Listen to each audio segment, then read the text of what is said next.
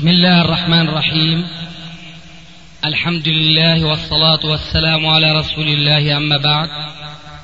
فهذا أحد أشرطة سلسلة الهدى والنور من الدروس العلمية والفتاوى الشرعية لشيخنا المحدث العلامة محمد ناصر الدين الألباني حفظه الله ونفع به الجميع قام بتسجيلها والتأليف بينها محمد بن أحمد أبو ليلى الأثري.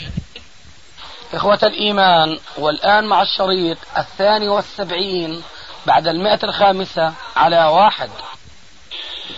إذا حديث من أحب أن يتمثل له الناس قياما. هذا الحديث يتعلق بالذي يحبه ولكن الذين يقومون لهذا المحب هل هم يساعدون على الخير أم على الشر؟ لا شك يساعدون على الشر. هذا إذا عرفنا أنه يحبه نقطع بأنهم إذا قاموا له ساعدوه على الشر على أن يكون من أهل النار فليتبوأ مقعده من النار.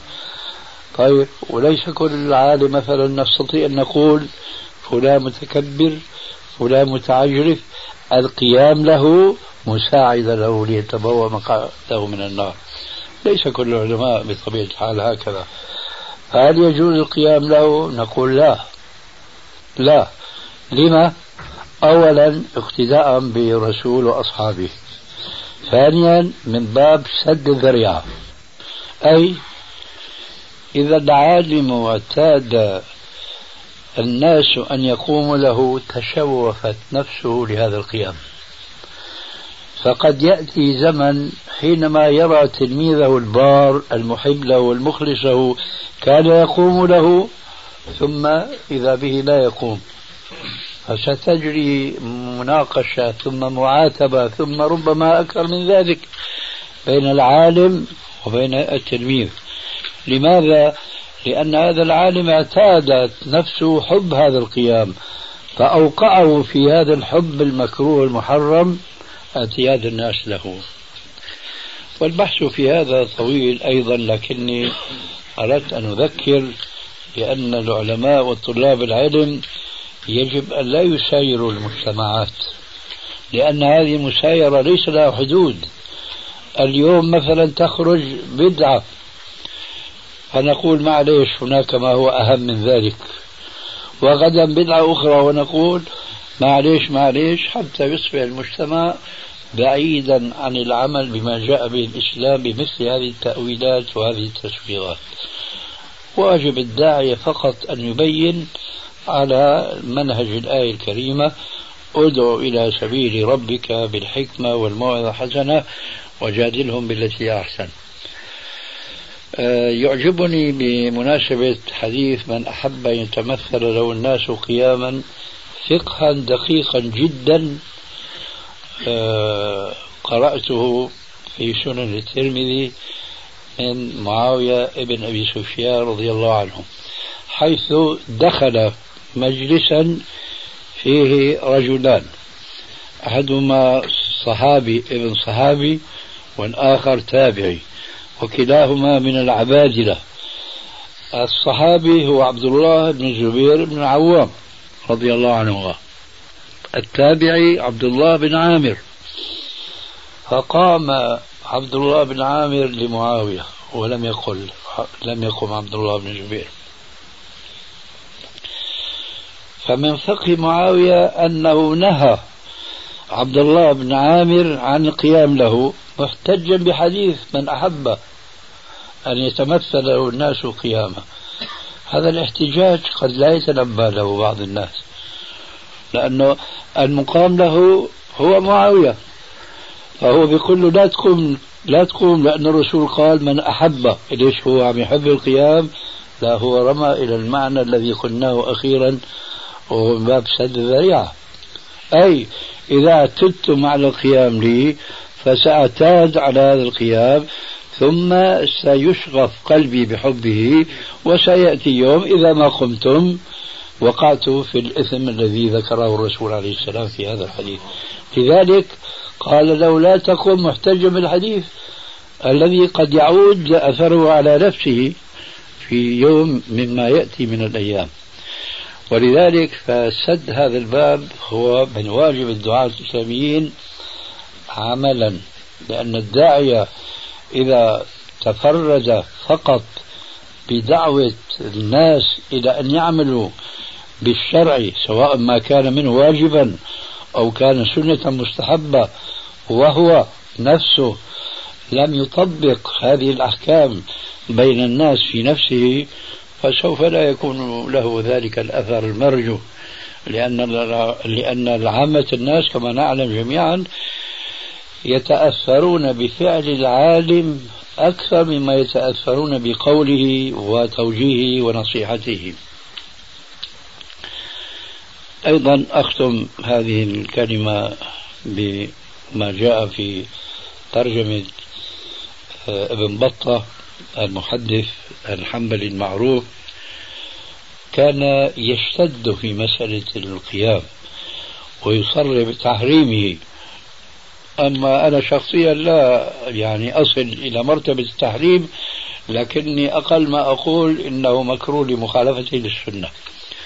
إلا في حالة أن نعلم أن رجل يحب القيام فحينئذ يجب الجلوس. فهو كان يقول بتحريم هذا القيام. فذات يوم كان يمشي في بعض الأزقة ومعه تلميذ له شاعر.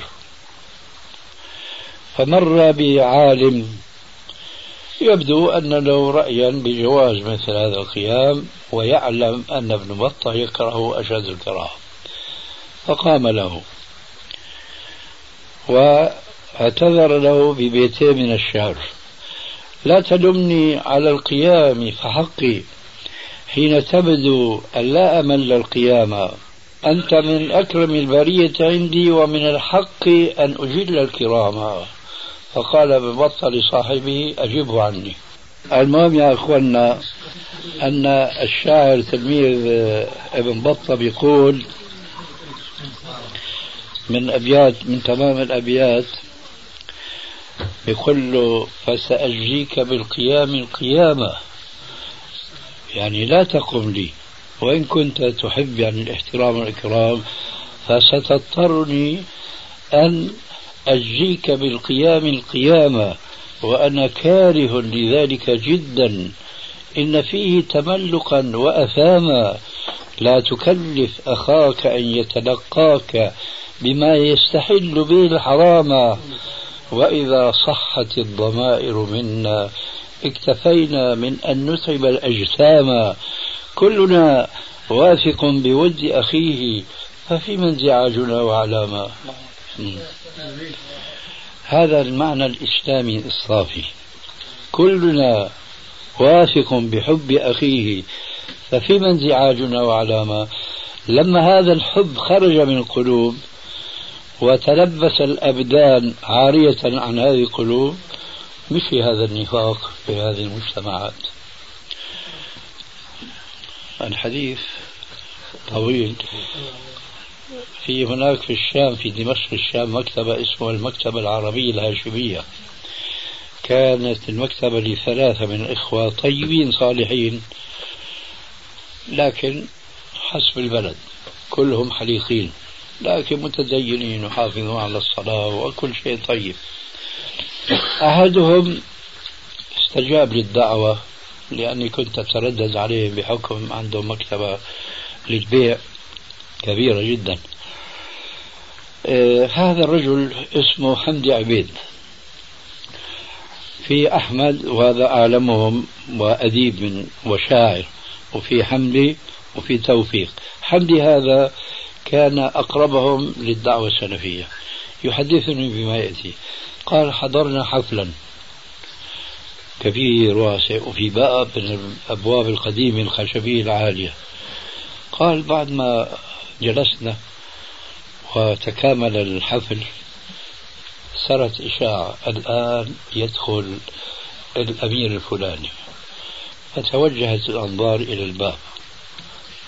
طلع الأمير الفلاني. قام المجلس. واستمروا قياما حتى جلس حضرة الأمير. قال فجلسنا.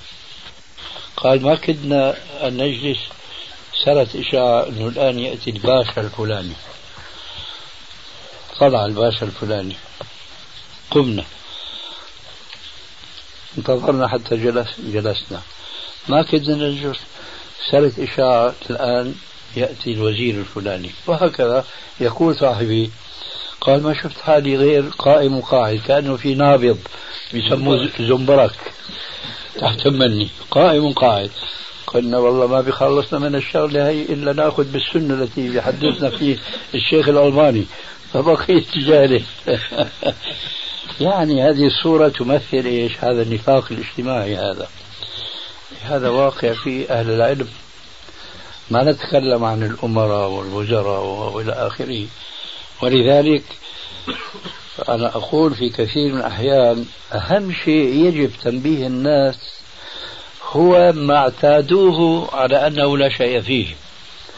كثير من الخطباء خاصة جماعة التبليغ الذين لا علم عندهم بدندنوا حول التذكير بأشياء محرمة لا يكاد مسلم يجهلها. إياكم الزنا والسرقة والغيبة هذا شيء طيب التفكير فيه. لكن ما لكم لا تبحثون العقيدة الشركيات الوثنيات الحلف بغير الله الحلف برأس أبوه وشوارب أبوه وإلى آخره. هذه أشياء تفرق الناس وتنفر الناس. صفة صلاة النبي حجة النبي كل هذه الأشياء لا تثار. وإنما الأشياء التي هم يعلمونها هم بحاجة إلى التذكير. نعم لكن هناك أشياء بحاجة إلى التعليم. فإذا على طلاب العلم فضلا عن علماء الذين من آثارهم طلاب العلم هم أن ينبهوا عامة المسلمين على ما يصدر منهم من مخالفات شرعية حتى ما تصبح معهم عادة وتقليد لا يشعرون بآثارها السيئة في المجتمع الإسلامي طيب غيره إيش في عندك يا عبد الله؟ بالنسبة لل كان الوقت تأخر لكن بإيجاز غير مخل حفظك الله.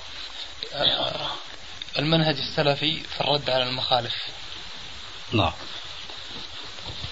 نريد المنهج السلفي في الرد على المخالف. الذي أعتقده أن الذي يريد أن يرد على المخالفين يجب أن يبين له أن الأخوة الإسلامية تجمعه معه. وأنه مسلم يؤمن بالله ورسوله كما هو أيضا يؤمن بالله ورسوله. حتى يشعر المدعو إلى منهج الكتاب والسنة وعلى ما كان عليه السلف الصالح أنه يحب له الخير. ولا يريد له الشر وأنه له ناصح أمين. هذا أولا.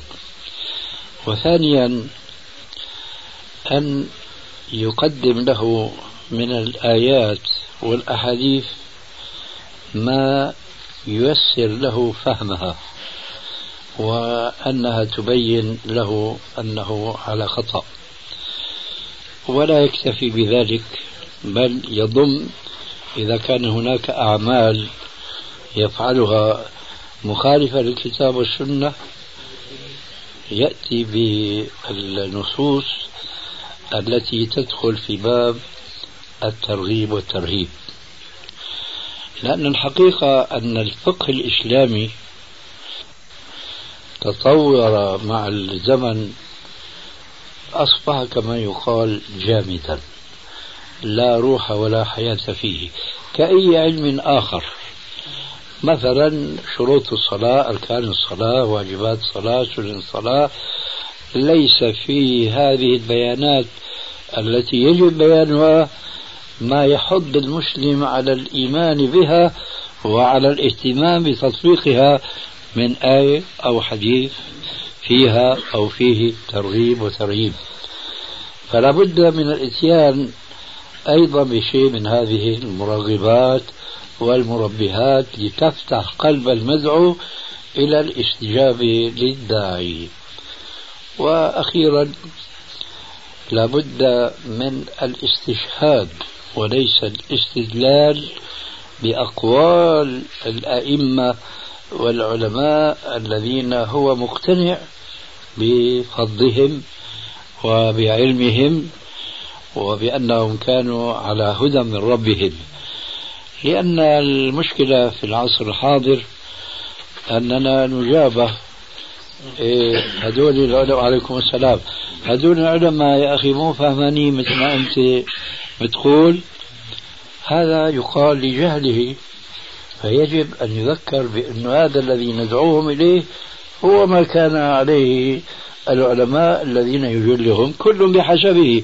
إن كان مثلا مبتلى بالمذهب من المذاهب حنفي أو شافعي أو المالك يؤتى له بأقوال هؤلاء الأئمة فيما هذا الطالب للعلم أو الداعية في صدد تنبيهه على خطأ ما هو عليه.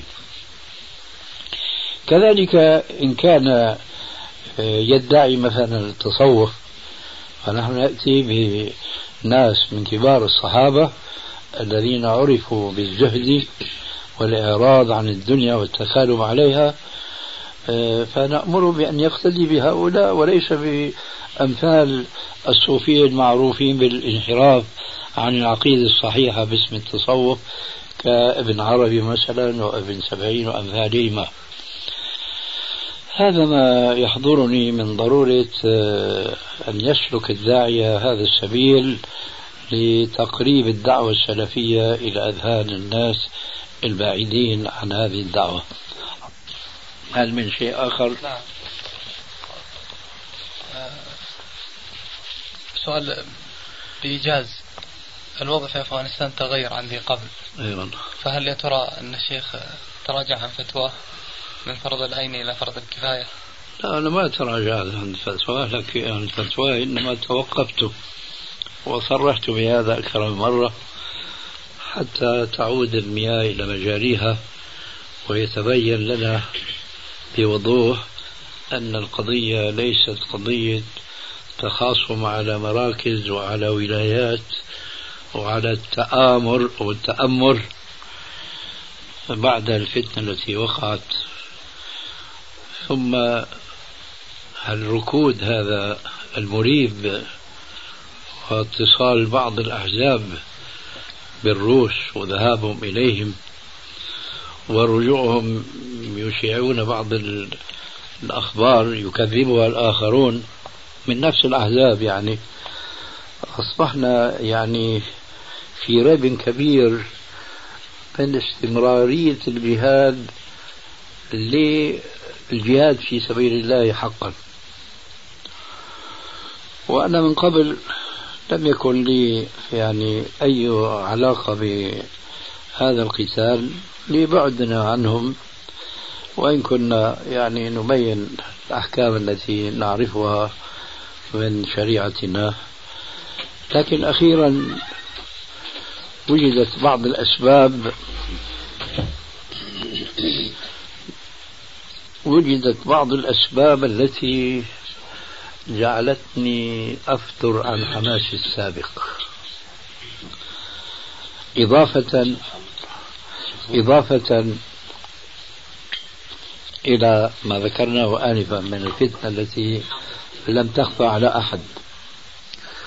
ذلك أنه حضر شاب من المجاهدين هناك من جماعة حكمة يار. كنا في دار الأخ هذا حسين. فأثار موضوع الخلاف القائم هناك وقتل جميل الرحمن رحمه الله. فتبين لي بأن هذا الشاب متحمس لحكمة يار مع أنه فيما يبدو سلفي العقيدة والتوحيد. فتحدثنا وكان الأستاذ أبو مالك أيضا حاضرة بعد حديث طويل طلبت منه أن يبلغ حكمة يار سلامي أولا. وطلبين اثنين. الأول أن لا يكتفي بإعلان براءته من قتل جميل الرحمن بمثلا بعض الكتابات. وهي لا تتعدى المجتمع الذي يعيش فيه وإنما أن يعلن ذلك بكل وسائل الإعلام المعروفة اليوم خاصة لهم بعض المجلات توزع في البلاد العربية. أن يعلن أولا براءته من أن يكون مشاركا في قتل جميل الرحمن أولا وثانيا أن يعلن بأنهم إذا فتحوا كابل عاصمة الشيوعيين راجين أن يكون ذلك قريبا أن يعلنوا أن الحكم سيكون بالكتاب والسنة. وليس على مذهب الحنفي الذي هم يتعبدون الله به. وسافر الرجل وقد وعد أن يفعل أي أن يبلغ هذه الرسالة الشفهية إلى حكمة يار ثم رجع بعض بعد أسابيع ومعه خطاب من حكمة يار إلى الألباني. سبحان الله يدندن حول الجواب عن السؤال الأول وبشيء من الدبلوماسية. أما الجواب عن السؤال الثاني فلم يتعرض له أبدا. أما الدبلوماسية التي يعني دندن حولها فهو يقول أن أننا صحيح نحن على المذهب الحنفي لكن هذا المذهب آه، يدين به كبار علماء الفقه وخدموا الحديث وخدموا الفقه وكلهم يقول إذا صح الحديث فهو مذهبي من هذا الكلام. فأنا قلت لصاحبه الذي جاءنا بهذه الرسالة شرحت له الموضوع فإنه هذا يا أخي أولا لم يجب عن الجواب عن السؤال الثاني. وجوابه عن السؤال الأول ليس فيه صراحة لأنه صحيح هؤلاء كل إمام أخذ من كتاب السنة لكنهم اختلفوا وحين اختلاف يجب على أهل العلم أن يرجعوا الكتاب والسنة وهذا ما نراه في رؤوسكم وفي يعني قوادكم لا يعلنون نحن مع الكتاب والسنة. نحن مع المذهب الحنفي والمذهب الحنفي مذهب من المذاهب المتبعة. فلهذا وذاك لا أزال أنا أنه واجب لكن فتر هذا الأمر من نفسي حينما وقعت فتنة قتل المذكور أولا ثم لما وجدت حكمة لا يفصح بإقامة الدولة المسلمة على الكتاب والسنة إذا ما استطاعوا أن يقيموها في أفغانستان وبخاصة في عاصمة أفغانستان ألا وهي كابول. فنسأل الله عز وجل أن يعني يعيد نشاط هؤلاء إلى مجاهدة هذا الكفار هؤلاء الكفار من الشيوعيين وأن يمكن لهم في الأرض. وحتى قلت لذلك الشاب أن عليهم أن يستعينوا بأهل العلم في مختلف البلاد الإسلامية لأنه إذا أرادوا أن يقيموا دولة الإسلام فلا بد من وضع قانون ودستور على أساس الكتاب والسنة. وأن لا يقيموا على المذهب الحنفي اللي بيقول مثلا يقتل المسلم بكافر ودية الذم كدية المسلم يعني مخالفات صريحة للسنة. فإذا كانوا ليسوا على علم مثلا بمذهب الكتاب والسنة فعليهم أن يستعينوا على الأقل بالعلماء الآخرين في مختلف البلاد. ما جاء الجواب المرضي إطلاقا. مع ذلك أنا قلت ولا أزال أقول أن تقول أن تقوم دولة الإسلام على المذهب الحنفي في أفغانستان خير بكثير من النظام الشيوعي فليقيموها. لكن لا يقفوا عندها عليهم أن يتعاونوا مع علماء المسلمين الآخرين. هذا ما عندي أيضا عن هذا السؤال الأخير. لعلنا نكتفي بهذا القدر. آه هات يا سليم شو عندك؟ حول منهج السلف في الرد على المخالف. آه جميل. فهل من منهج السلف في الرد على المخالف أسلوب الموازنة؟ أي ذكر حسنات المخالف وذكر سيئاته أم أنه تمحيص موضع المخالفة والرد عليها دون الالتفات إلى ما له من حسنات أخرى؟ لا هو ذكر السيئات. ما أظن هذا أمر وارد في الموضوع. أما ذكر الأخطاء لعلك تريد أن يعني تقول لعلك تريد أن تقول يعني الأخطاء. المخالفات نعم. المخالفات. نعم. ليتك قلت المخالفات بدل السيئات. هو هذا هو الذي جرى على ألسنتهم. هذا هو الأسلوب يعني أنه ما تذكر السيئات. وإنما تذكر الأخطاء التي تخالف الكتاب والسنة. نعم أما أنه أساء بأنه قال كذا وكذا نعم. هذا ليس من أسلوب الدعوة. طيب بارك طيب إيش بقي كمان هذا اللي عندي يعني. جزاك الله خير. ذكر الحسنات هل يلزم من كل ذكر مخالفة أن تذكر معها حسنات الحسنات الأخرى؟ والله هذا يختلف اختلاف المجال، في أيوة. مجال أن يذكر فحسن أن يفعل. نعم. أما ممكن ممكن أن يذكر الحسنات. نعم. قد تضيع الفائدة بذكر الحسنات عن الحسنة الكبرى. نحن نحمد الله عز وجل على ما من علي علينا به من نعم أن وفقنا لهذا المنهج وما كنا لنوفق لولا أن وفقنا الله ف كما تعلمنا أنه يبنى على التصفية والتربية. نعم. ومما أنعم الله عز وجل به على الأردن أن تميزت بمنهج التصفية. يعني حتى بردت وفاقت قد تكون هي ملكة قصب السبق اليوم من سائر البلدان. وهذا من فضل الله عليها. بارك الله. وأنا لا أستطيع أن أحكم في ليلتين أو ثلاث. يعني ألحظ يا شيخ الضعف في مسألة الدعوة. وهذا مما أراه من كثرة المنكرات في الشوارع. فما أدري يا شيخ ما هو الواجب من إخواننا مع العلم بأننا نؤمن بأن الوضع لا يحتمل الإنكار من أكثر أن نكون كما كان النبي صلى الله عليه وسلم في مكة. وكما قلت أنت الجزائري فإن لم تكن كالنبي صلى الله عليه وسلم فكن كأبي بكر في مكة. نعم. فأنا أقول يا شيخ ما هو يعني نصيحتك للأخوان هنا؟ لأنها وما هي من الظالمين ببعيد. والله أعتقد أنه يكفي ما تشير إليه من الفرق بين هذه البلاد وبين البلاد التي لا تزالون تحكمون بشيء كبير من الأحكام الشرعية. وأرجو من الله عز وجل أن هذا الكبير يصير أكبر مع الأيام وأن لا يقل الوضع هنا يختلف تمام الاختلاف عن يعني بلادكم.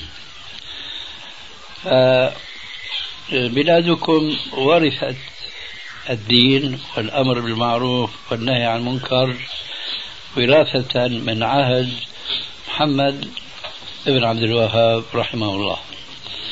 أما أما هنا فالمسألة تختلف تماما. فهنا آه، نقطة الانطلاق في الدعوة إلى الكتاب والسنة وإلى تحقيق هذه الدعوة عمليا مما نكني عنه بالتربية مع التصفية. فلذلك هذه مفارقة تفارق الوضع الذي عندكم. شيء ثاني وثالث ورابع وشيء كثير وكثير جدا. هنا مذاهب عديدة. منها ما هي من المذاهب الإسلامية ومنها ما هي بعيدة عن الإسلام بالكلية. بينما بلادكم لا يوجد فيها شيء من هذه المتناقضات. فما يمكن أن يقام عندكم من الأمر بالمعروف والنهي عن المنكر وتحقيق التصفية والتربية. لا يمكن الآن تحقيق هذا إلا إذا عادت بلادنا كبلادكم. يومئذ يسهل أن يتحقق شيء مما نريده من دعوة التصفية والتربية. فلعلك علمت بأن هنا مذاهب هدامة غير إسلامية وعندنا آه، شيوخ في الطرق الصوفية الكثير والكثير جدا. بينما بلادكم لا يوجد فيها شيء من هذه المتناقضات. فما يمكن أن يقام عندكم من الأمر المعروف والنهي عن المنكر وتحقيق التصفية والتربية. لا يمكن الآن تحقيق هذا إلا إذا عادت بلادنا كبلادكم. يومئذ يسهل أن يتحقق شيء مما نريده من دعوة التصفية والتربية. فلعلك علمت بأن هنا مذاهب هدامة. غير إسلامية وعندنا آه، شيوخ في الطرق الصوفية الكثير والكثير جدا. وعندنا إسلاميون يخالفون دعوة الكتاب والسنة آه، مخالفة صريحة وجذرية. حتى من أولئك الذين يدعون إلى إقامة الدولة المسلمة. فهم لا يرون ولا يؤيدون دعوة الكتاب والسنة لأنهم يزعمون بأن هذه الدعوة تفرق الأمة. ولذلك فنحن على قلتنا بل على عجرنا وبجرنا فلا نستطيع أن نجابه كل هذه العداوات المختلفة الأشكال والأنواع. ففيما أرى أنه من البداهة في مكان أن تشعر بما شعرته ولكن إذا عرفت هذه الحقائق فحينئذ يعني ستتحقق معنا بأن عدم وصولنا لشيء مما يسر كل مسلم هذا مما قد نعذر فيه كما نرجو من الله تبارك وتعالى.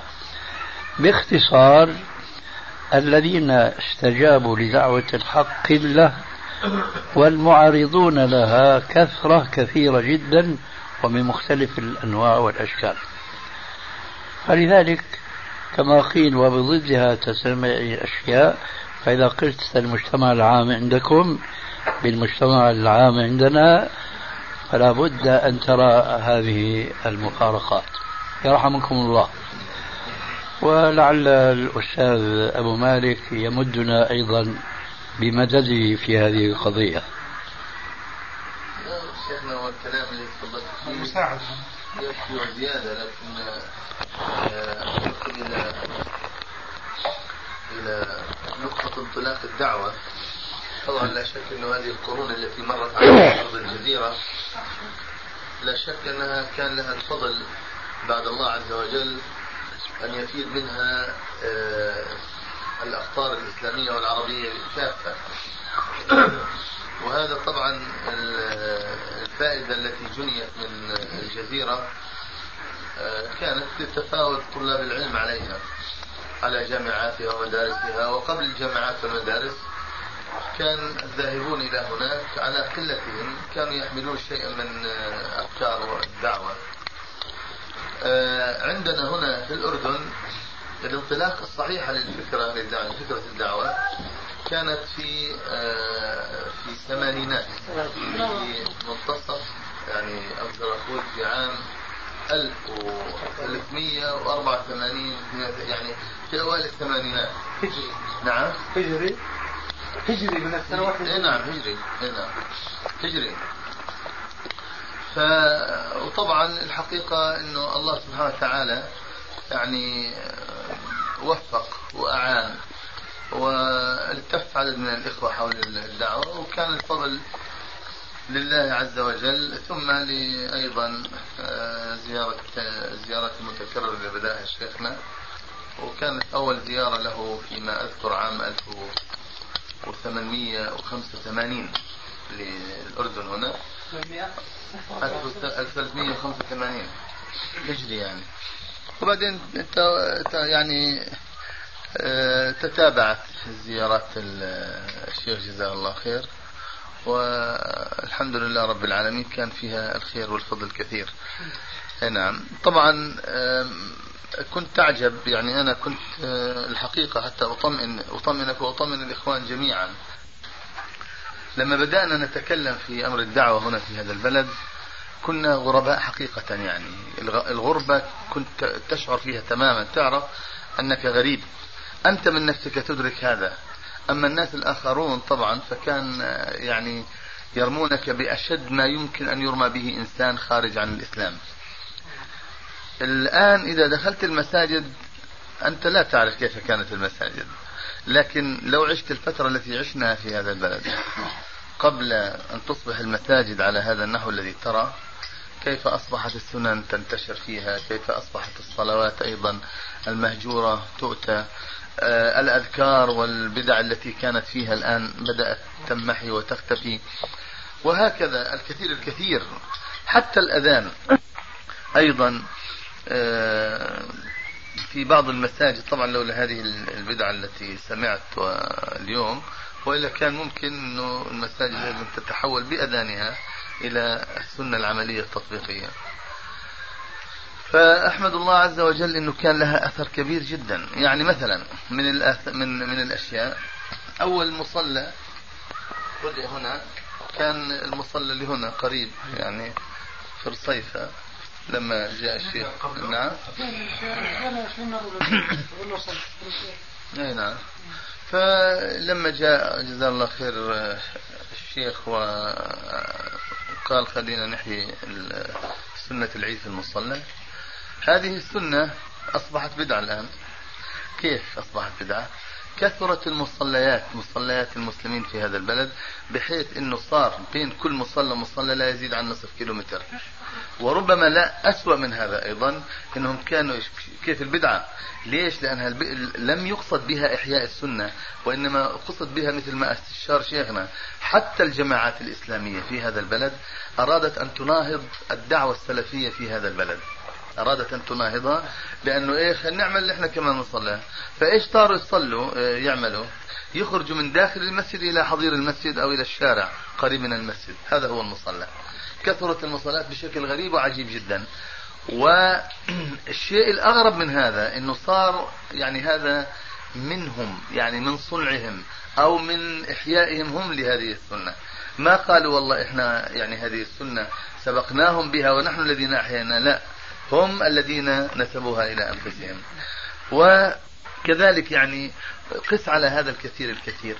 فنحمد الله عز وجل أنه أحيينا سننا وانتشرت هذه السنة. على قلة العدد في هذا البلد لكن تأثير الدعوة انتشر من فضل الله عز وجل. انتشر انتشار كبير جدا. وانتشاره ربما لا تلمسه بكثرة العدد الإخوة المنتسبين أو المنتمين لهذا المنهج وإنما تجد أثر الدعوة في واقع الواقع العملي للدعوة أو لتأثيرها في واقع الناس. آه، أيضا مما يعني يفرح الحقيقة أنه المكتبات الإسلامية الموجودة المكتبات المكتبات الإسلامية لم تجد يعني كتابا أروج من الكتب السلفية ذات المنهج. كتب الشيخ مثلا دعها يعني لا تتحدث عن كتب الشيخ. كتب الشيخ موجودة في كل أنحاء الدنيا والناس بيتسابقونها. لكن الكتب الأخرى أيضا الكتب الأخرى ذات المنهج المحدد الواضح الناس أقبلوا عليها. الآن شوف مثلا المجموع للنووي ابن قدامة ابن حزم آه، كتب السنن آه، والآثار. هذه إقبال الشباب عليها غريب وعجيب. من الذي أصل هذا المنهج في الإقبال على الكتاب؟ الحقيقة إخواننا هم اللي أصلوا هذا المنهج وأقبلوا عليه. فالشباب الآن خاصة الشباب المثقف يقبلون هذا. ولولا ما يجدوا طبعا من صد من بعض الشباب أو من يسمون بأنفسهم بالدعاة الإسلاميين في الجماعات الأخرى الحقيقة لوجدت الدعوة السلفية في كل مكان هي المهيمنة والمسيطرة حقيقة يعني. فإحنا طبعا ما يخفى مثل ما أشار شيخنا جزاه الله خير إنه أيضا المقاومة أمامنا يعني آه، كثيرة وكثيرة جدا وعنيدة. وهم يعرفون بأن المنهج السلفي إذا خلي بينه وبين الناس قضى على كل هذه الدعوات وانتهت نهائيا. هم الآن على على كل ما يبذلونه من أسباب المقاومة. ما مستطيعين يصدوا أو يردوا هذا التأثير اللي فرض نفسه على واقع البلد هنا. والحمد لله رب العالمين يعني هذا أمر أنت يعني الله سبحانه وتعالى هو الذي وفق إليه. ونسأل الله أن يوفق دائما. ولا تنسوا يعني على إنه أنتم لما بتتكلموا في قضايا التوحيد هنا يعني نقدر نسميه من باب نافلة القول. يعني الأمور عندكم يعني لا تحتاج إلى انكم تتكلموا في قضية التوحيد. يعني إحنا صحيح يعني نتكلم على على الأصول في الدعوة. إحنا عندنا هنا لما تتكلم عن قضية واحدة مثلا خلينا نتكلم التوسل. تحتاج إلى مقدمات طويلة حتى تقنع الناس بهذه القضية. ها؟ دكتور قضية التوسل لما نتكلم في التوسل هناك ما يعني ما تحتاج إلى إلى كثير تمهيد وإطالة في الحديث و... إيه نعم. وقد تضر تفتح باب إيه نعم. هذا هو. أما عندنا يختلف الحقيقة الحال. ها؟ و بيجوز الخطبة اللي سمعتوها بالأمس. وفي خطبتين قبلها أيضا كانوا أظن على نعم. لا خطبتين. نعم نعم. هذه قبلها نعم. اي نعم. مرة تكلمنا فيها عن هذه المس... هذه مسائل حقيقة الناس أنا أمس شيخ سبحان الله بعد الصلاة وإذا جاني واحد شاب طويل يبدو أنه صاحب منزلة أو ثري أو رجل يعني الأعيان معيان الناس. سلم علي قال لي أنا لأول مرة بشوف ال... بشوفك. أنا دائما بصلي تحت. بصلي عندك من زمان. نعم. نعم قال وأنا سعدت نعم. وأنا سعدت اليوم إني شفتك. قالوا أنا يعني مسرور بخطبتك اليوم وكل خطبك أنا مسرور فيها. هذا كلام يعني. برضه يطلع فوق. ها؟ برضه يطلع فوق. أي نعم. لكن لكن قل لي يعني هذه الخطبة اللي تكلمت اليوم عن مسألة القبور هي في كل القبور؟ يعني عامة؟ قلت له عامة طبعا. قال طيب يا أخي وإحنا يعني بنشوف بعض المقابر بنشوف بعض المساجد مثلا زي سيدنا الحسين في مصر زي ستنا زينب زي مش عارف إيش. آه.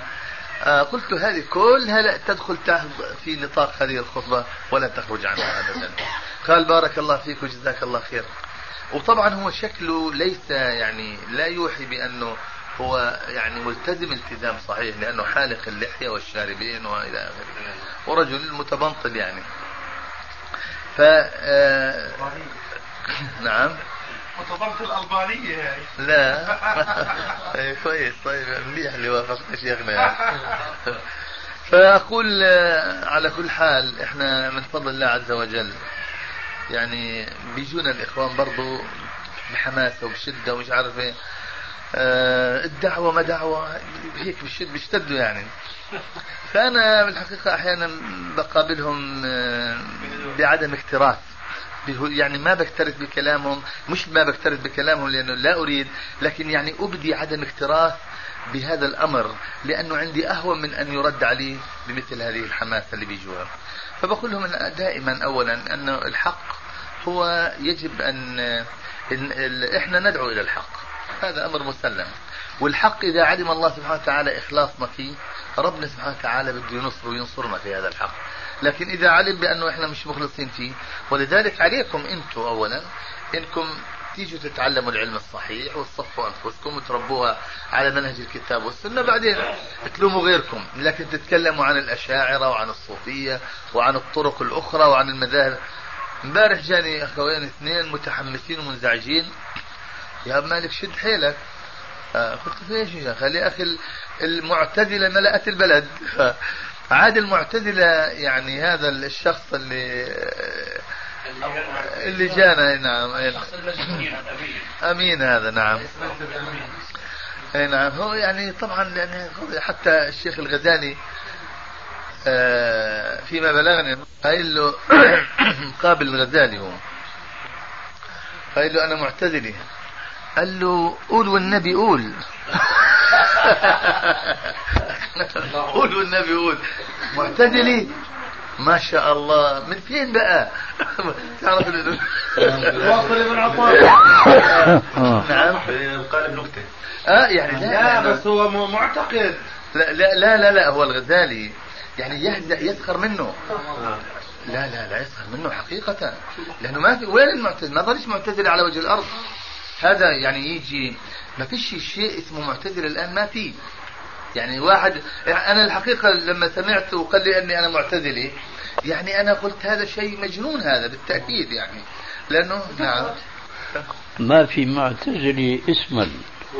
ها؟ أما آه، في أنا- معتزلة عقيدة. معروف هذا الشيء معروف. والذي يسخر آه، بالمعتزلة آه، اسما هو معتزلي هو معتزلي نعم، فعلا نعم. لا لا هذا صحيح بس بقول يعني كعلم اسم علم يعني نعم. غير موجود هذا غير صحيح. موجود. نعم فحتى هذا ذاك يعني هو ما هو عارف نفسه إنه معتزلي الرجل نعم. ولذلك أنكر على هذا. الكلام فاطمئن يا شيخ آه، أبو عبد الله اطمئن- أبو الوليد. إن شاء الله إحنا بخير وأنتم بخير ها وربنا سبحانه وتعالى بس يمن علينا بأنه يعني نقدر نحمل العبء اللي إحنا يعني إن شاء الله نحمله يعني.